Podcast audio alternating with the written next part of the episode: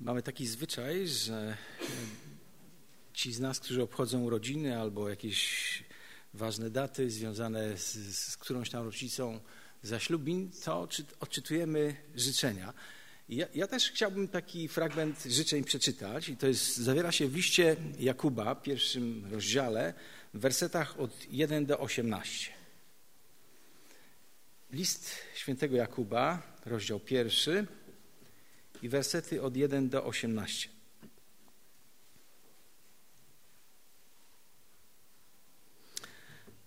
Jakub, sługa Boga i Pana Jezusa Chrystusa do dwunastu pokoleń żyjących na obczyźnie, pozdrowienia. Drodzy bracia, z najwyższą radość, za najwyższą radość uważajcie te chwile, gdy jesteście poddawani przeróżnym próbom. Wiedzcie, że takie doświadczenie waszej wiary kształtuje wytrwałość. Wytrwałość natomiast niech was prowadzi do dzieła doskonałego, byście byli doskonali, nienaganni i bez jakichkolwiek braków. Jeśli komuś z was brak mądrości, niech prosi o nią Boga, który obdarza wszystkich szczodrze i bez wypominania, a mądrość będzie mu dana. Niech jednak prosi z wiarą, porzuci wątpliwości, bo człowiek, który wątpi, przypomina falę morską, gnaną i miotaną przez wiatr. Ktoś taki niech nie liczy, że coś od Pana otrzyma, dlatego że on sam nie wie, czego chce. Jest niestały w całym swoim postępowaniu. Niech ubogi brat szczyci się swoim wywyższeniem, a bogaty natomiast niech ma na względzie swoje poniżenie, ponieważ przeminie jak kwiat trawy. Oto wzeszło słońce, przypiekło promieniami, wysuszyło trawę i jej kwiat opadł i piękno przepadło. Podobnie zwiędnie bogaty na drogach swego życia. Szczęśliwy człowiek, który przechodzi przez próbę, bo gdy zostanie wypróbowany, otrzyma wieniec życia, który Bóg obiecał tym, którzy go kochają. Niech nikt kuszony przez zło nie mówi, że to Bóg go kusi. Bóg nie jest, jest niepodatny na zło i sam nikogo nim nie doświadcza. Źródłem pokus człowieka są jego własne żądze.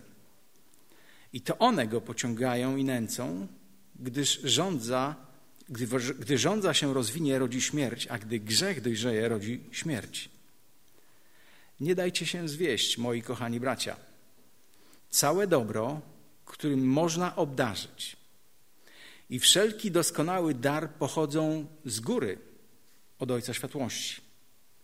W Nim nie ma żadnej zmienności ani cienia odmiany.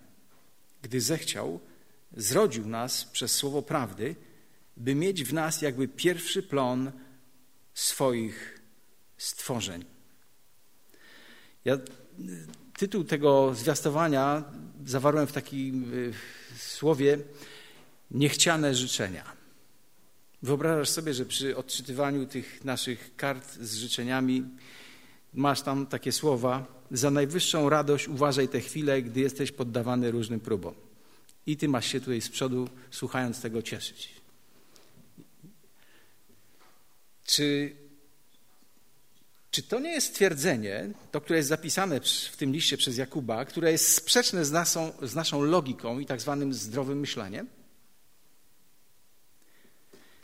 On okuje. Drodzy bracia, za najwyższą radość uważajcie te chwile, gdy jesteście poddawani przeróżnym próbom.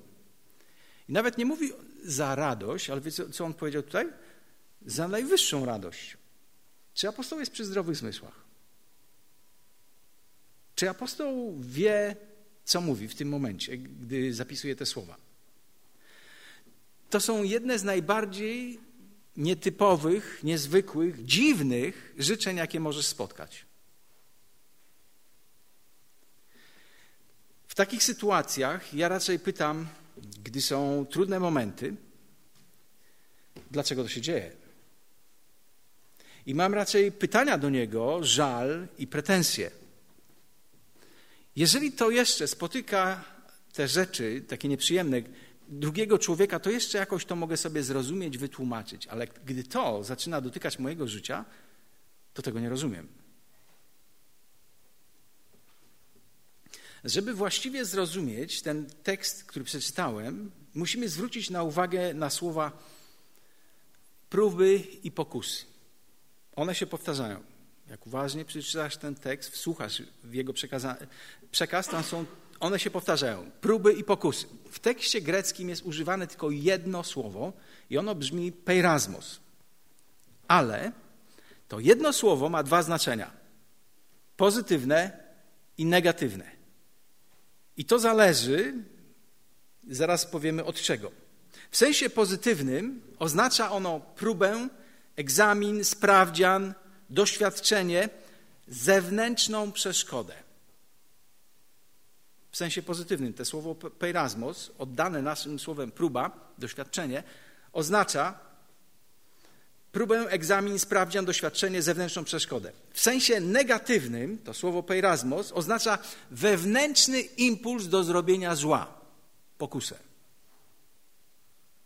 Wewnętrzny, taki pojawiający się w tobie i we mnie impuls do zrobienia czegoś, co się Panu Bogu nie podoba. Tak więc próby i doświadczenia mają generalnie dwa źródła, zupełnie inne. Pierwsze z nich pochodzą z zewnątrz i stanowią zewnętrzną przeszkodę, zewnętrzną trudność. Oznacza to, że istnienie tej przeszkody, tej trudności nie jest przez ciebie i przeze mnie spowodowane. Ono nie zależy od ciebie i ode mnie. Po prostu ja jestem z tym doświadczeniem negatywnym, z tą próbą skonfrontowany. Czyli ta trudność nie zależy ode mnie. One po prostu są i nie, ma, nie, mam, nie mam na ich istnienie żadnego wpływu. Po prostu są w moim życiu. I ludzie, do których pisze apostoł Jakub, byli prześladowani z zewnątrz. To byli uchodźcy, to byli rozproszeni ludzie. Nic z tym nie mogli zrobić. To od nich nie zależało. Czym w naszej sytuacji mogą być te zewnętrzne przeszkody?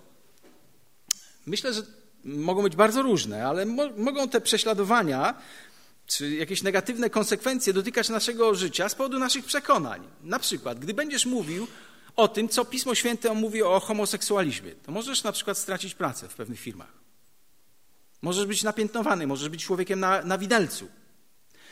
Z drugiej strony mogą być przeszkody ze strony rodziny, która uzna, że zbyt na serio traktujesz to, co mówi ta księga że jesteś zbyt radykalny, że to już trąci o fanatyzm. I z tego powodu możesz być w trudnej sytuacji. Tymi zewnętrznymi przeszkodami, próbami często jest, może być choroba, śmierć, wypadek, jakieś dziedziczne obciążenie, utrata pracy. Po prostu to się dzieje, wydarza w Twoim i moim życiu i nie mamy na to wpływu. A teraz ten drugi rodzaj prób, ten wewnętrzny impuls do zrobienia czegoś złego, co oddajemy my naszym słowem pokusa. Pochodzą one z wewnątrz nas, czyli z naszego starego, niezależnego od Boga stylu życia. I gdy jestem w takiej próbie, pokuszeniu z tego powodu, że chcę żyć tak, jak mi się podobało, tak jak zawsze żyłem, to płaczę. To nie jest powód do radości, gdy coś takiego rodzi się w moim wnętrzu. Jezus był próbowany, kuszony z zewnątrz przez diabła, a nie przez swoje porządliwości czy chęć życia po swojemu. I dlatego to była próba, a nie pokusa. Jeżeli przechodzisz przez próby, przez doświadczenia, które pochodzą z zewnątrz, z którymi jesteś konfrontowany, te trudne sytuacje, to to jest powód, według Jakuba, do najwyższej radości. Nie mamy w takiej sytuacji wyglądać jak zmokły pies w czasie burzy śnieżnej. Taki 6-7-latek wybrał się ze swoim dziadkiem do zoo i tak chodzą, oglądają te różne zwierzaki, podeszli do zagrody, w której był muł. No i tak patrzy ten chłopiec na tego muła i w pewnym momencie zadaje mu pytanie. Dziadku, a czy ten muł jest chrześcijaninem? A co ci przyszło do głowy, że takie pytanie zadajesz? No bo on jest taki smutny.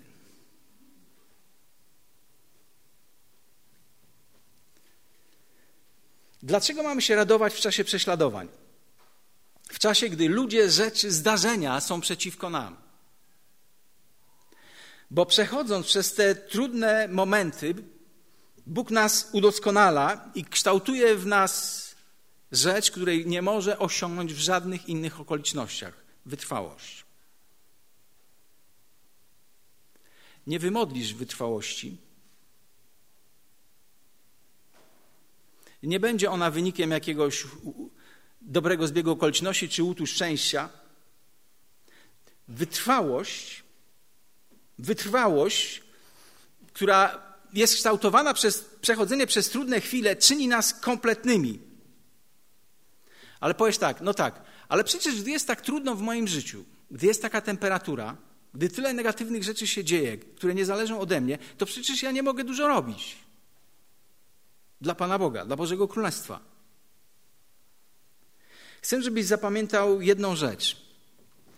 Bogu dużo bardziej zależy na tym, kim Ty i ja jesteś, niż na tym, co Ty i ja możemy dla Niego zrobić. On jest dużo bardziej zainteresowany tym, kim jesteś, niż tym, co możesz dla Niego zrobić. On jest wszechmocny i On sobie poradzi, nie martw się. Jemu zależy przede wszystkim na Tobie i na, na mnie. Być, być, to jest ważniejsze niż robić. Dzisiaj, jak cię przyjmują do jakiejś firmy, gdzie oferują ci duże pieniądze, to przede wszystkim chcą zobaczyć, jakie masz możliwości, kwalifikacje. Ich za bardzo nie interesuje, kim ty jesteś tylko co ty możesz zrobić. A z Bogiem, w Bożej firmie jest trochę inaczej, jest zupełnie inaczej. Jemu przede wszystkim chodzi o to, żebyś był, żebym był, a później, żebym robił.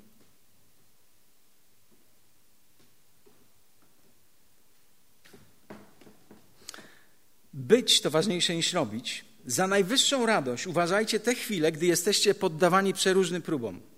Powstaje pytanie, dlaczego? Bo wytrwałość, bycie w tych trudnych sytuacjach, nieuciekanie z tych sytuacji, ona uczyni ciebie kompletnym doskonałym. Wiesz, co Jezus powiedział? Wy bądźcie doskonali, jak doskonały jest wasz Ojciec w niebie. I w czwartym wersecie tego przeczytanego tekstu Jakub również mówi do ciebie i do mnie, abyście byli doskonali.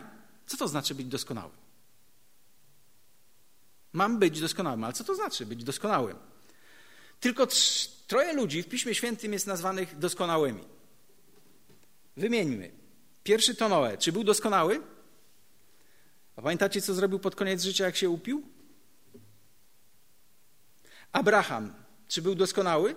A pamiętacie, jak znalazł się w Egipcie, to zaczął kłamać odnośnie tego, kim jest Sara i kim on jest dla Sary? Doskonały? A Mojżesz, doskonały? Też Biblia mówi o nim, że był doskonały. Doskonały? Zawsze? Zawsze panował nad sobą. Pamiętacie, jak rozwalił tablicę? Pamiętacie, że do Ziemi Świętej też nie wszedł. A Biblia mówi o nim doskonały. Więc o co chodzi, gdy Biblia używa słowo doskonały? Jaka jest właściwa odpowiedź? W języku hebrajskim, w tym, który był spisana ta pierwsza część Pisma Świętego, czyli Stary Testament, doskonały oznacza być człowiekiem pełnym, skończonym, człowiekiem jednego celu, dojrzałym. To znaczy być doskonałym. Mam jeden cel, mam iść za Jezusem, być Jego uczniem, Jego naśladowcą. Mam radować się, mam się cieszyć poprzez, w przechodzeniu przez te trudne chwile. Dlaczego? Bo to przez ten proces, Bóg, gdy mnie przeprowadza, to pracuje nad moją doskonałością. Przez, do czego mnie doprowadza? Do tego, że jestem coraz bardziej podobny do Jego Syna. Bez tego to się nie stanie. I piąty werset, gdy dalej czytamy ten tekst, wydaje się, że on jest, jakby nie pasuje do tego przekazu, który do tej pory już powiedział nam Jakub, że to jest jakieś takie wtrącenie.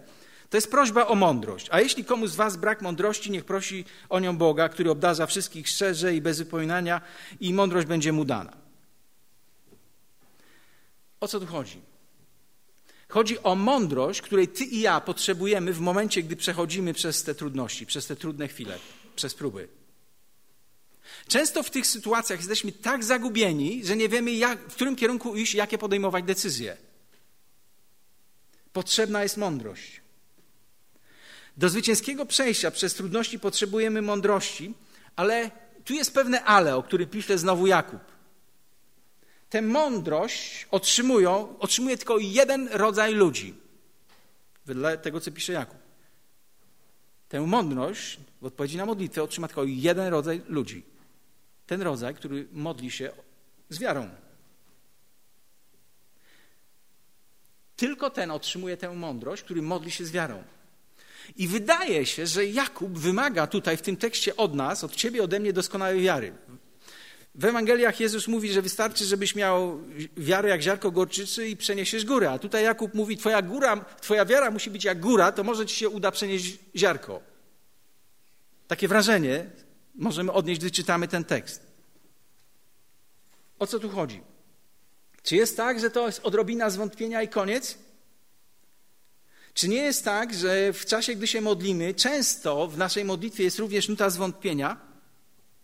Ile musi być we mnie wiary, żeby Bóg odpowiedział? Odpowiadam. Bóg nie odpowiada na podstawie Twojej i mojej doskonałej wiary. Wiesz, On odpowiada na podstawie swojej doskonałej miłości. Bóg nie odpowiada na podstawie mojej i Twojej doskonałej wiary, ale na podstawie swojej doskonałej miłości. Pamiętacie takiego człowieka w Nowym Testamencie, w Ewangeliach? Jest opisana historia, że przyszedł prosi Jezusa o uzdrowienia, uzdrowienie swojego syna. A pamiętacie, co potem powiedział? Pomóż niedowiarstwu mojemu. Widzisz tą wiarę zmieszaną z niedowiarstwem? A Jezus wszedł w akcję? Bo działał nie na podstawie jego doskonałej wiary, ale działał powodowany swoją doskonałą miłością. Jakub ostrzega przed rozdwojeniem, przed, przed tym, żebym nie szedł w dwóch kierunkach jednocześnie. Wiecie, jednej rzeczy, wielu rzeczy się nie zrobi, ale tej na pewno się nie zrobi. Nie da się w jednym momencie iść do przodu i do tyłu. Da się? No chyba, żebyś na schodach ruchomych był, nie? I te schody szybciej... Ale tak naprawdę, jak idziesz normalnie, to nie jest możliwe, żeby iść do przodu i do tyłu w tym samym momencie. Jakub ostrzega nas przed takim takim rozdwojeniem, przed takim podążaniem, modleniem się o coś, o coś z takim rozdwojeniem w sobie. Każdy z nas walczy o wiarę. Nikt nie ma takiej gorącej linii do Boga. Wiara rośnie przez czytanie, przez słuchanie Bożego Słowa, przez kontakt z ludźmi, którzy na serio traktują Jezusa. I następnie mamy wersety od 9 do 11 Niech brat ubogi szczyci się swoim wywyższeniem, a bogaty natomiast ma na względzie swoje poniżenie, ponieważ przeminie jak kwiat trawy, oto zeszło słońce, przypiekło promieniami, wysuszyło trawę, kwiat opadł, piękno przepadło. Podobnie zwiennie bogaty na drogach swoich. Co ma to wspólnego z cierpieniem, o którym, od którego zaczął Jakub? Co to ma wspólnego? Wydaje się, że nie ma tu żadnego powiązania. Wiecie, jeżeli coś przeszkadza, to to, że ktoś ma więcej zdolności, więcej darów, więcej możliwości, więcej pieniędzy niż ja. To nie chodzi o to, że ja nie mam zegarka, ale chodzi o to, że on ma lepszy zegarek. Nie chodzi o to, że ja nie mam pieniędzy, ale chodzi o to, że on ma więcej pieniędzy. Nie chodzi o to, że ja nie mam samochodu, chodzi o to, że on ma lepszy samochód. I to przeszkadza. To nieraz boli, nie? No chyba nie nas, bo my tu jesteśmy tacy już chodzący blisko Boga, że nie mamy takich myśli ani takich emocji. Dlaczego powstaje ten problem? Dlatego, że porównuje, porównujesz siebie z innymi. I dlatego to powstaje. Możesz myśleć, myśleć, myśleć sobie, chciałbym grać na klawiszach, no na przykład jak Krzysztof i jesteś w międzyczasie niezadowolony z tego, jak ty potrafisz grać, nie? Porównałeś się z kimś innym. Ach, żebym miał taką, taką brykę, jak ma Michał. No i niezadowolony jesteś z, tego sprzętu, którym ty jeździsz w tej chwili, tak? Żebym był tak śmiały jak tamten. Albo żebym była taka ładna jak ona. Porównujesz siebie.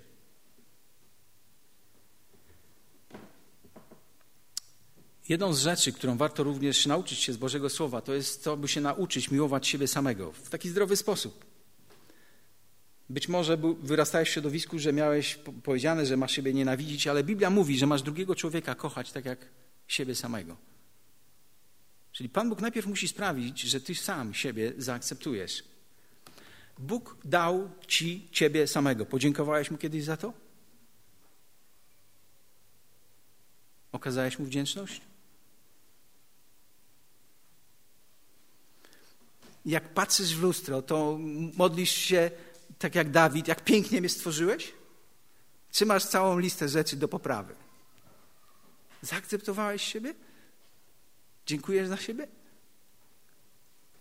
Jedna głowa potakuje.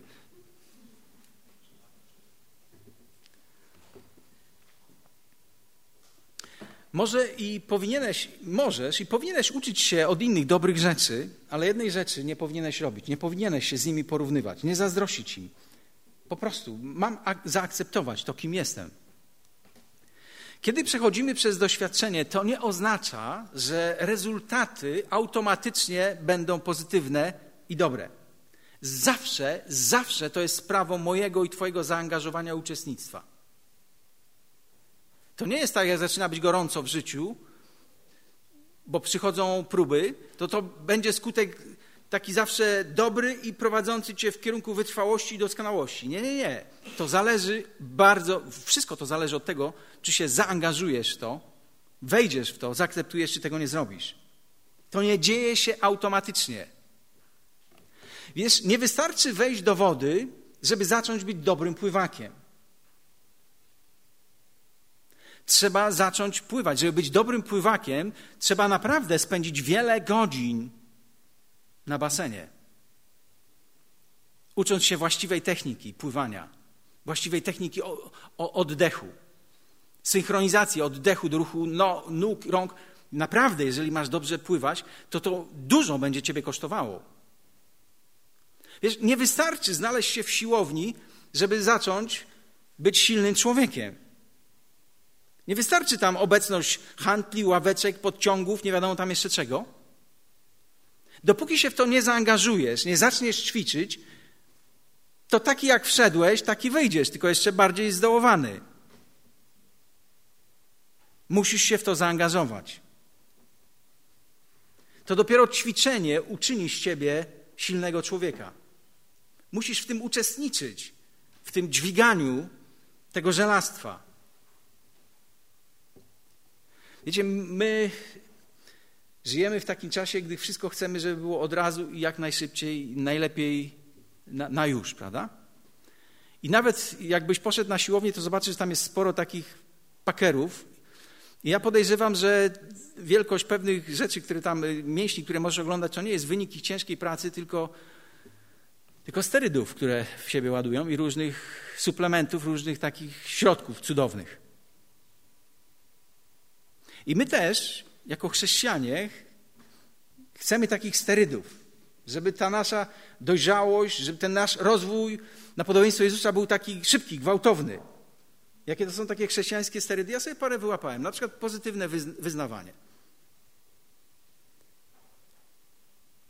Jest źle, a ty teraz zaczniesz sobie pozytywnie, masz kłopoty z, nie wiem, z pieniędzmi, to zaczniesz wyznawać, że masz dużo pieniędzy. No nie wiem, przez jakiś czas może się trochę lepiej się poczujesz, ale czy rzeczywistość się od tego zmieni? Nie musisz wyznawać grzechów, ty po prostu wchodź w Bożą obecność, uwielbiaj Boga, to załatwi wszystko. Nie musisz wyznawać grzechów. Nie musisz pokutować. Wchodź w Bożą obecność. Nie musisz czytać słowa, po prostu, przecież, wszyscy wiemy, że kto śpiewa, to się dwa razy modli, nie?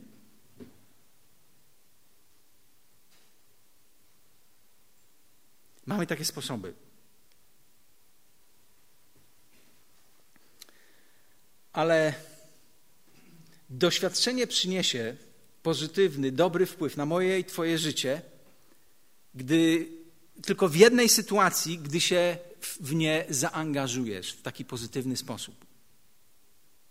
To nie dzieje się z automatu. Musisz w tym uczestniczyć, musisz się w to zaangażować, to dopiero doprowadza Ciebie i mnie do kształtowania, mnie i Ciebie na podobieństwo Jezusa. Ludzie, którzy bardzo często tak się dzieje, gdy przychodzą przez e, okres próby, doświadczenia, stają się zgorzkniali, pełni żalu, pretensji. Co jest powodem? Nigdy się w to nie zaangażowali, w to, co Bóg chce, chciał z nimi uczynić, wprowadzając czy dozwalając, by te trudne rzeczy pojawiły się w ich życiu. Nigdy się w to nie zaangażowali. Nigdy w to nie weszli. I zasadnicze pytanie jest następujące. Czy moje serce uczestniczy w tym, co Duch Święty chce uczynić w moim życiu, przeprowadzając mnie przez próby i doświadczenia? Czy w moim sercu jest takie tak i radość z tego powodu? Co Pan Bóg chce uczynić, przeprowadzając mnie przez te trudne chwile? Ten tekst, gdy czytamy go, to odkryjemy, że nie ma w tym tekście ani jednego słowa o szatanie. Teraz mówię w kontekście trochę pokus.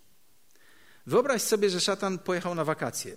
Czy to uczyniłoby jakąkolwiek zmianę w Twoim życiu? Jest okres wakacyjny. Diabeł ciężko pracuje, więc sobie też zrobił wakacje. Czy to cokolwiek by zmieniło w Twoim życiu? W kontekście, kontekście pokus. Biblia mówi tylko o siedmiu ludziach kuszonych przez szatana. My jesteśmy za małymi, że tak powiem, rybkami, żeby, pionkami, żeby on się nami osobiście zajmował. A pomimo tego jesteśmy kuszeni. Więc skąd biorą się te pokusy? Werset 14. Każdy jest kuszony przez własne porządliwości, które go pociągają i nęcą. Pokuszenia pochodzą z naszego starego sposobu życia. Z tego naszego starego sposobu na życie, gdy jeszcze nie znaliśmy Boga i sami sobie radziliśmy z życiem i żyliśmy niezależnie od Boga. Żyliśmy tak, jak nam się chce. I teraz, gdy jesteś chrześcijaninem, masz nową naturę, to również są sytuacje, gdy ten stary sposób radzenia sobie z życiem w tobie się odzywa i chciałbyś pójść tą ścieżką, która już wdrukowana była przez tyle lat w twojej głowie, w twoim mózgu.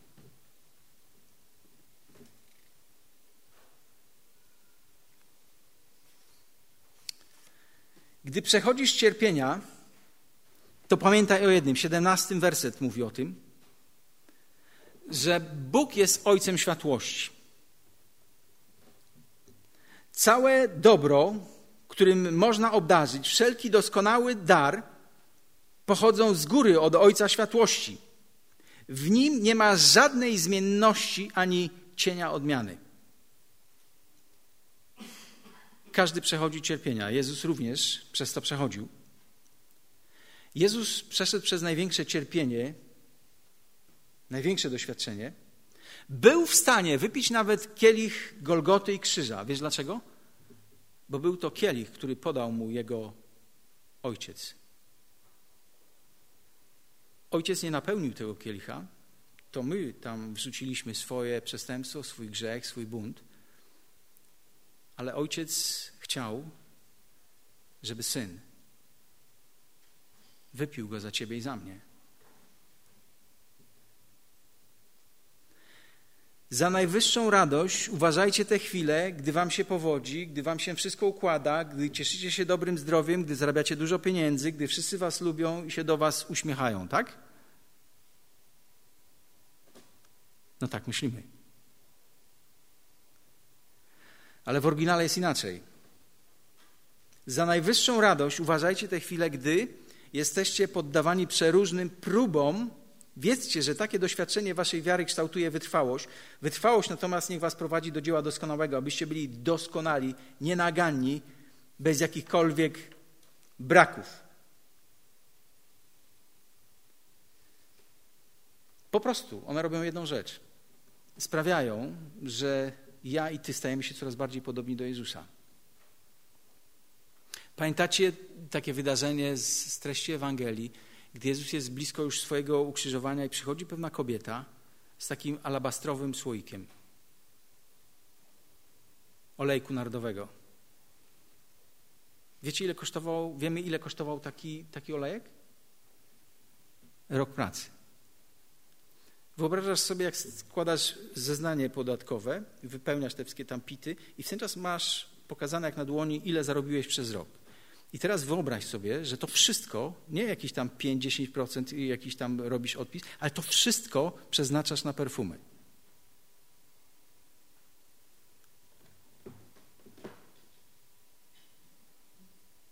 Były takie często te alabastrowe poje, poje, te, te pojemniki z tymi perfumami, z tym nardem, alabastrowy to był słoik, żeby dobrać się do jego wnętrza, to musiałeś go złamać, zniszczyć.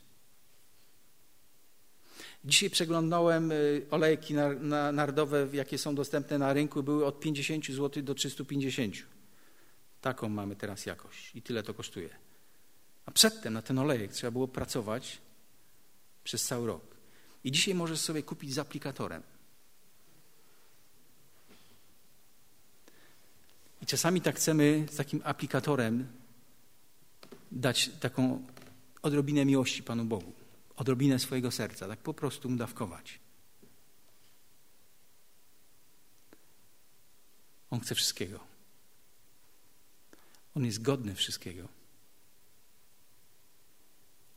On nie zabierze ci wszystkiego, ale on przyjmie wszystko. I wiesz, kiedy ten zapach się pojawił? Gdy to naczynie zostało złamane. Dopiero ta woń wyszła. Wiesz, i dlatego pismo mówi: raduj się, gdy przechodzisz przez próby i pokusy, bo te trudne chwile sprawią, że wyjdzie w tobie i we mnie to, co jest w środku. Jeżeli jest tam Jezus, Jego obecność, Jego zapach, to to wyjdzie.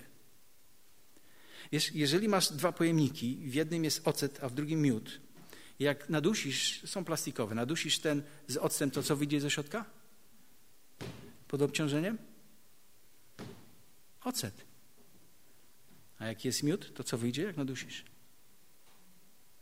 Co te trudne momenty wydobywają z Twojego i mojego życia? Pokazuje, co jest w Tobie i we mnie. I Pan Bóg często wprowadza nas w te trudne sytuacje, żeby stłuc ten, ten dzban, tą skorupę, żeby był bardziej widoczny Jezus i Jego światło w Twoim moim życiu. Nie, nie ja, nie Ty, ale Jego obecność. To co zrobimy z tymi pozdrowieniami? Z tymi życzeniami. Jesteś gotowy, by takie życzenie od Pana Boga odebrać? Poczytuj to sobie za najwyższą radość, gdy rozmaite próby przechodzisz. Ten tekst nam pokazuje, co się będzie działo i czego potrzebujesz, gdy te trudne chwile są w Twoim, moim życiu i co będzie ich efektem, gdy się w to zaangażujesz. Niech Bóg Ciebie błogosławi w Twoich wyborach. Amen.